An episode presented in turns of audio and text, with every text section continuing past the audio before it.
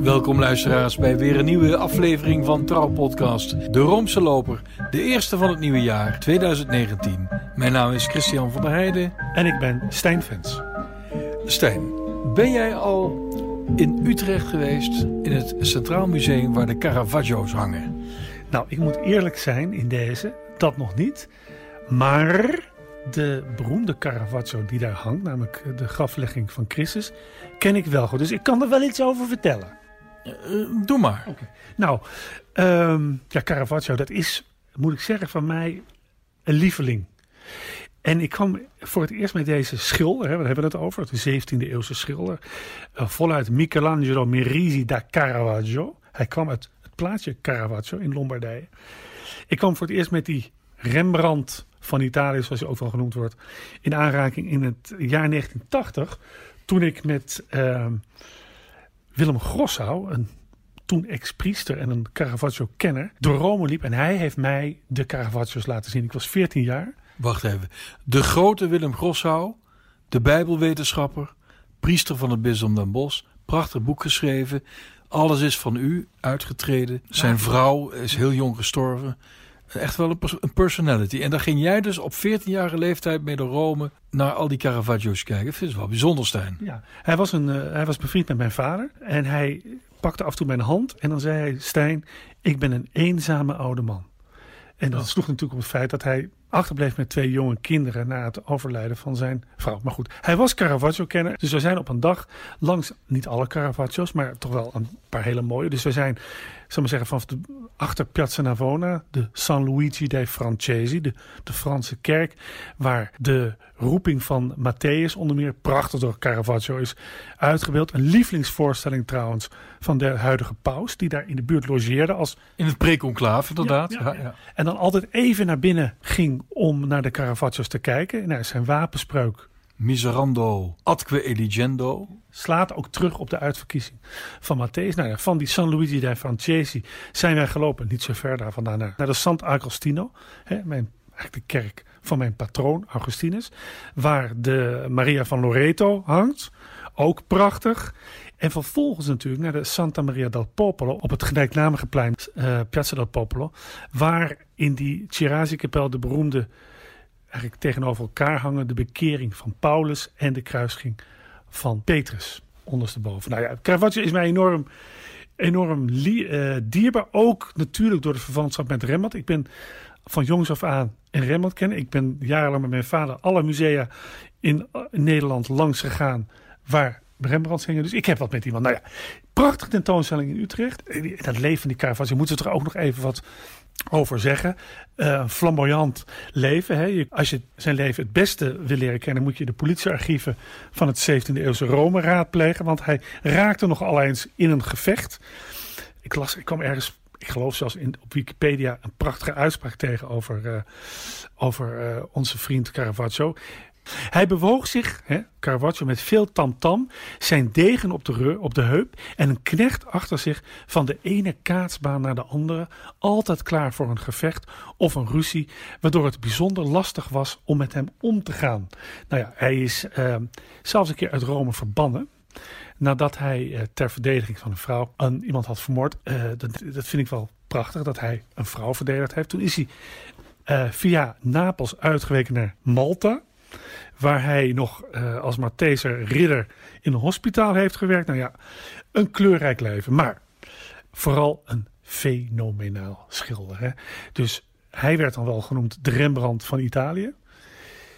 Tegelijkertijd werd uh, Rembrandt de Caravaggio degli Oltremontani genoemd. Dus de, van, van over de bergen. Van over de bergen. De Alpen. En natuurlijk toch uh, bekend Caravaggio's van zijn religieuze voorstellingen belangrijke opdrachten gekregen. En hij wordt er ook van beschuldigd dat hij uh, bijbelse voorstellingen heeft ontheiligd. He? Als je goed gaat kijken, bijvoorbeeld Madonna's leken op hoeren van de straat.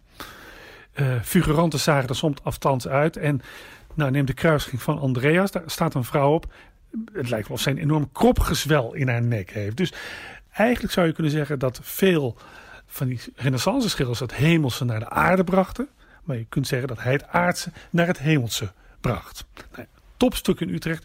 En gaat allemaal kijken, ik ken het goed, is de graflegging van Christus. Ehm, ik kom nogal eens in, eh, in de Chiesa Nuova. Ja. En eh, daar hangt een kopie daarvan, toch? Ja, want oorspronkelijk was de, de graflegging van Christus van Caravaggio bedoeld voor een kapel in de eh Chiesa Nova. Dat is die grote kerk aan de Corso Vittorio Emanuele. Waar Filippo Neri, eh, de he- grote heilige Filippo Neri begraven ligt. Leuke, leuke echt Romeinse, Romeinse heilige. Nou, oorspronkelijk eh, heeft dat schilderij, schilderij daar ook gehangen. Maar later is het naar de, de Pinacotheek van de Vaticaanse Musea verdwenen. En die hebben het uitgeleend aan het Utrechts Museum. En, en dat is heel bijzonder, omdat dat schilderij wordt volgens mij nauwelijks eh uitgeleend. En ga erheen, kijk er goed naar. Je ziet dus Christus eigenlijk, die wordt vastgehouden door Nicodemus, die sprekend op Michelangelo lijkt.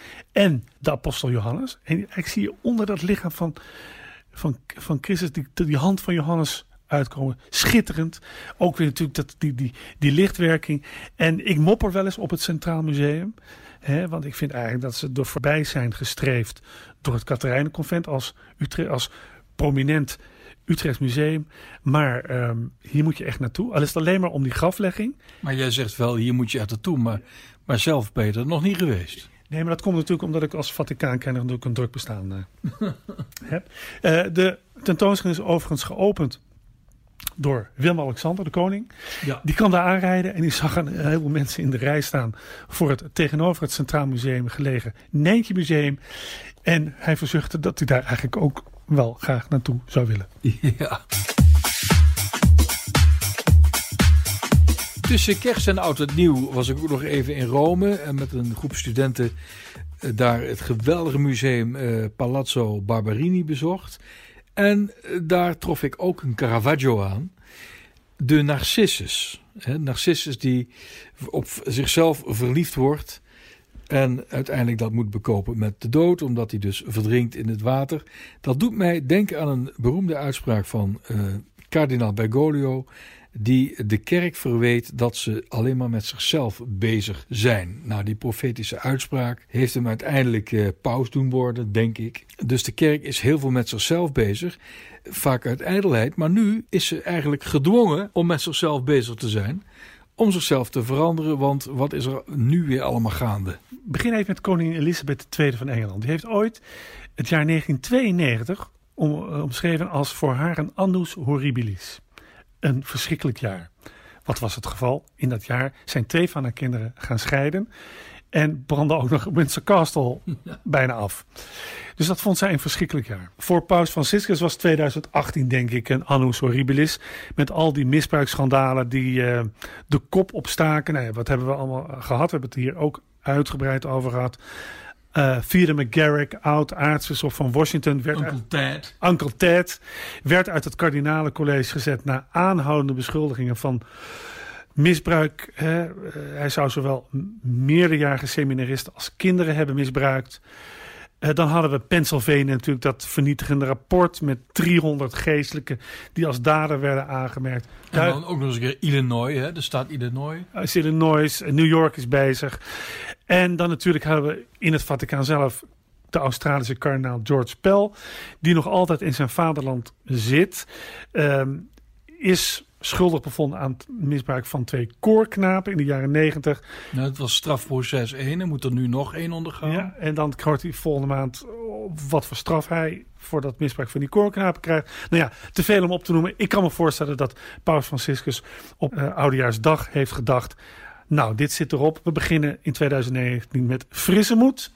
Waar het niet dat de ellende alleen maar doorgaat. Eh, weer twee spraakmakende affaires hebben we in deze week alweer eh zien opduiken. Nou, dan is dan te beginnen eh, een Argentijnse bisschop, Gustavo Sanguetta. Sanguetta, ik weet niet hoe je dat, hoe je dat uitspreekt. Ooit bisschop van een klein bisdom in het noorden van Argentinië, Oran. Daar moest hij plotseling weg. Er werd gezegd wegens gezondheidsredenen, maar had vier maanden later alweer een baan in het Vaticaan bij de Ja, hij werd assessor van de APSA, de administratie van het patrimonium van de Apostolische Stoel. Nou, dat is een instelling binnen het Vaticaan die onder meer de schitterende vastgoedportefeuille van het Vaticaan beheert. Nee, ik wil zeggen, Hij ging weg wegens gezondheidsreden, had binnen vier maanden een andere baan. Naar verluid speciaal gecreëerd door zijn vriend Paus Franciscus. Ja, want die, die baan die bestond helemaal niet. Die, die, bestaan, die, bestond, die, die baan bestond helemaal niet. En dus met die gezondheid viel het dus denk ik wel mee. Nou, nu blijkt, nu werd afgelopen november duidelijk dat aan zijn vertrek in dat, uh, uit dat bisdom hele andere geredenen ten grondslag lagen. Namelijk het feit dat hij wordt verschuldigd van misbruik.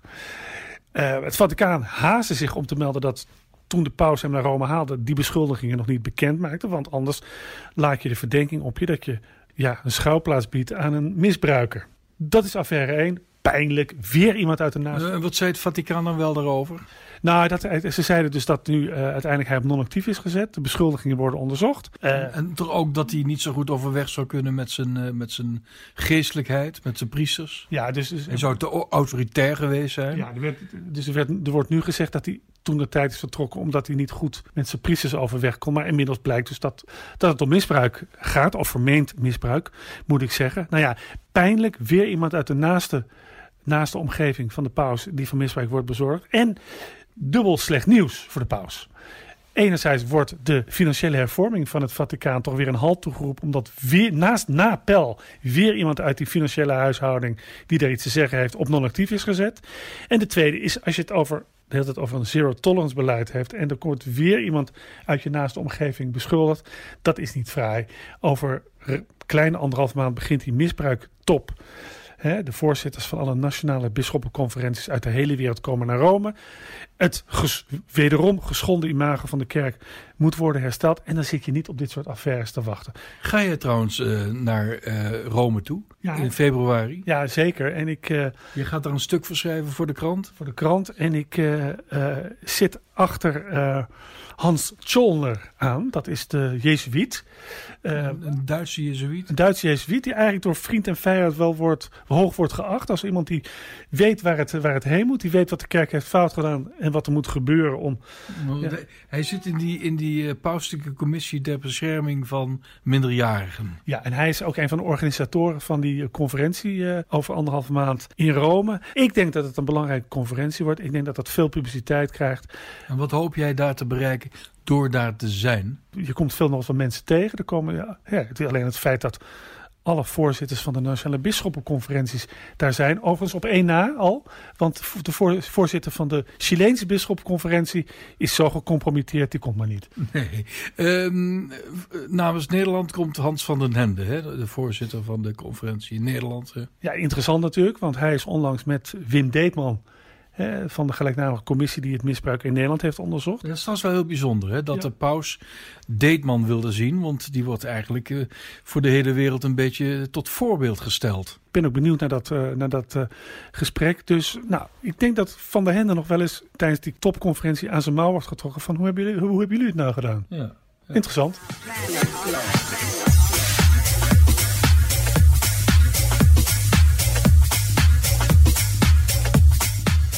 Het is 12 januari, precies 500 jaar geleden, dat Maximiliaan I is overleden. Nou, wie was die man? Dat was de keizer van het Heilige Roomse Rijk. Nou, wij zijn de Roomse loper, dus wij moeten daar natuurlijk aandacht aan besteden. Dat Heilige Roomse Rijk. Voltaire heeft een soort grap gemaakt. Dat is een driedubbele leugen, zei hij. En het was niet heilig, en het was niet rooms, en het was al helemaal geen rijk. Hij is dus in 1508 heeft hij zichzelf uitgeroepen tot keizer van het Heilige Roomse Rijk. Met medeweten, ook wel toestemming van paus eh, Julius II. Maar heeft zich niet door de paus laten kronen. Dat is eigenlijk heel bijzonder. Hij zei nou dat heb ik helemaal niet nodig. Maar voordien was hij in 1486 was hij al gekozen tot Rooms-Duits koning. Dus eigenlijk uh, tot, tot Rex uh, Romanorum, hè, tot, tot koning van de Romeinen. En waarom uh, hebben we het hier over? Omdat deze man door zijn huwelijk met Maria van Bourgondië ook heer van de Nederlanden is geworden. We hebben het over de, de late middeleeuwen. Iedereen is met elkaar in oorlog. We kennen allemaal de Hoekse en de Kabeljauwse twisten. Daar heeft hij nog, nog een zeker belang bij gehad. Heeft daar ook oorlogen mee gevoerd en zo. En uiteindelijk wilde hij ook wat, wat, wat landadel uh, bestrijden. Toen heeft hij ook hulp gehad van Amsterdam. En uit dankbaarheid heeft hij de, de, de stad Amsterdam het recht gegeven om de rijkskroon te dragen. Later is dat dus de bekende keizerskroon geworden. Die prijkt boven het wapen van Amsterdam. En bovenop de Westertoren. Ja, dat is trouwens interessant, want de Westertoren dateert van de 17e eeuw. Uh, toen was uh, Nederland, of de Nederlanden, de noordelijke Nederlanden, al lang niet meer katholiek. Maximiliaan I was natuurlijk zeer katholiek. Ook zijn kleinzoon, Karel V, bestrijder van Luther, et cetera. Maar omdat uh, Amsterdam dus het eeuwige recht had gekregen om de rijkskroon te dragen, veranderde op een gegeven moment die kroon ook in de Rudolfinische kroon. Een nazaat van Maximiliaan, keizer van het Heilige Roomse Rijk.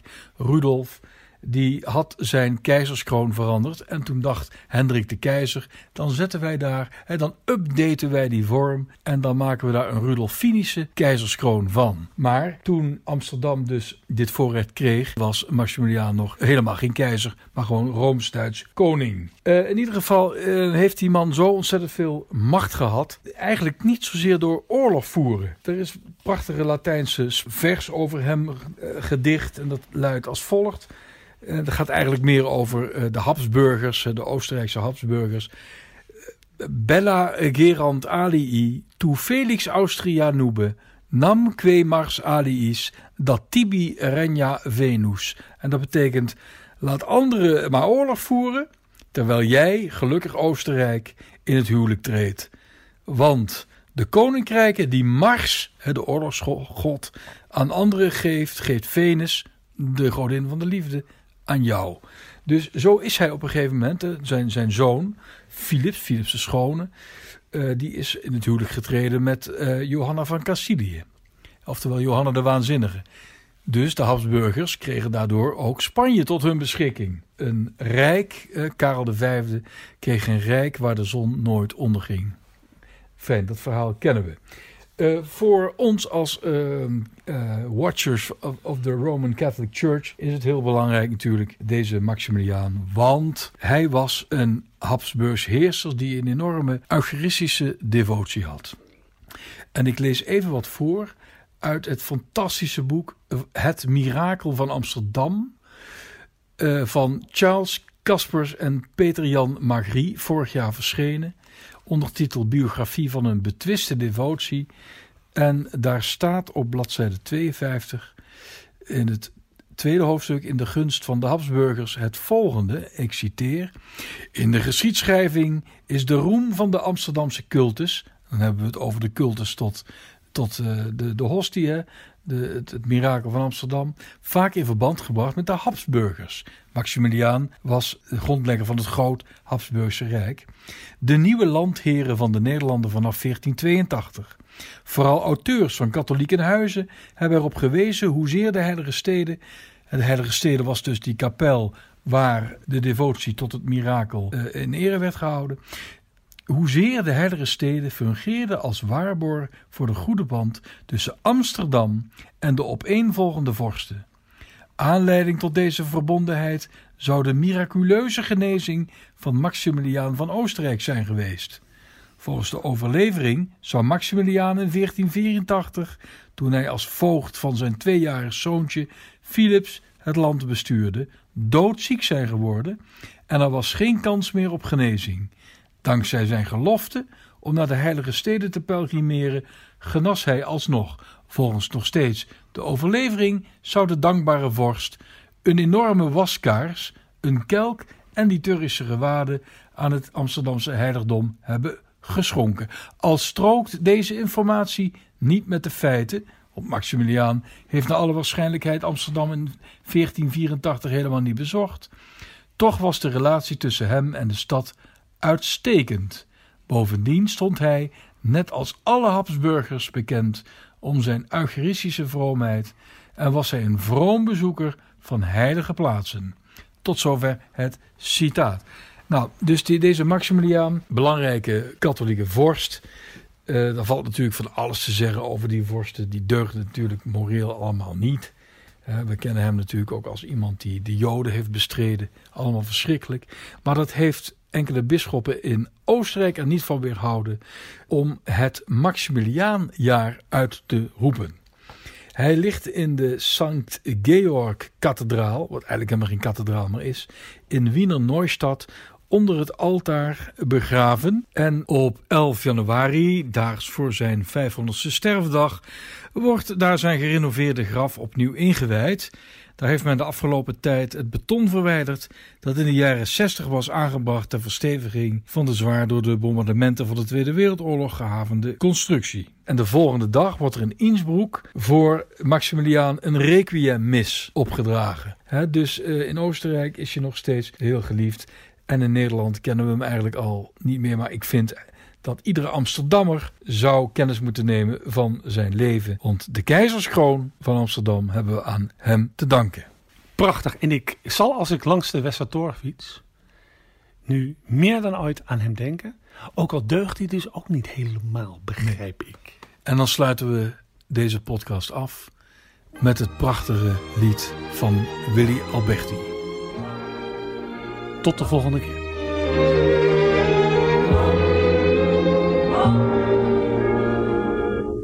O mooie oude toren, jij staat daar jaren al.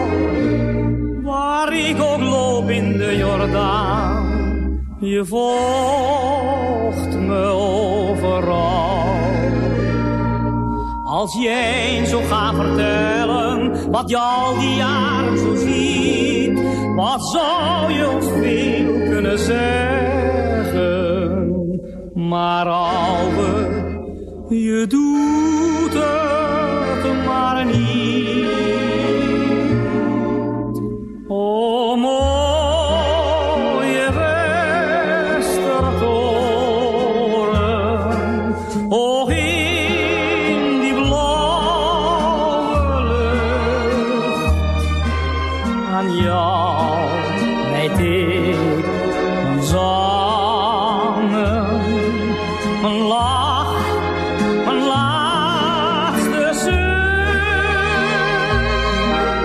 Jij kent onze diepste